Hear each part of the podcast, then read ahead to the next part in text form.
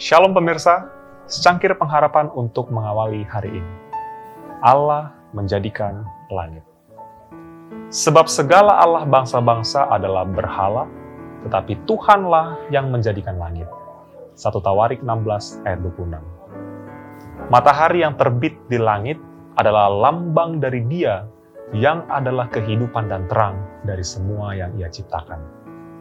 Segala kecemerlangan dan keindahan yang menghiasi bumi dan menerangi langit berbicara mengenai Allah. Segala sesuatu bercerita tentang pemeliharaannya yang lembut dan kebapaan, dan tentang kerinduannya untuk membuat anak-anaknya berbahagia. Keperkasaan kuasa yang bekerja melalui segenap alam dan mempertahankan segala sesuatu bukanlah sekedar satu prinsip yang meliputi segalanya, atau suatu tenaga penggerak sebagaimana sebagian ilmuwan kemukakan. Allah itu roh, namun ia adalah satu oknum pribadi.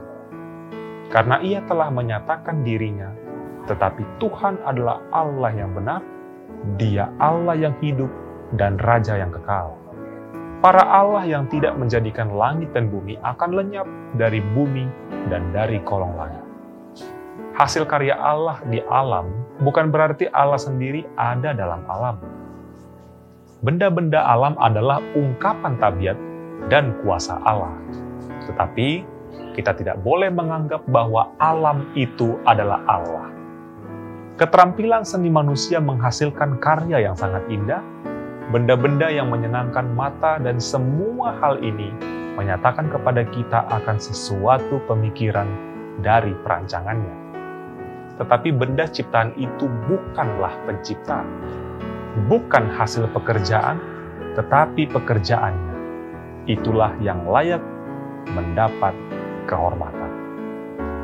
Jadi, kalau alam itu adalah ungkapan pemikiran Allah, maka bukanlah alam itu, melainkan Allah dari alam itulah yang harus ditinggikan.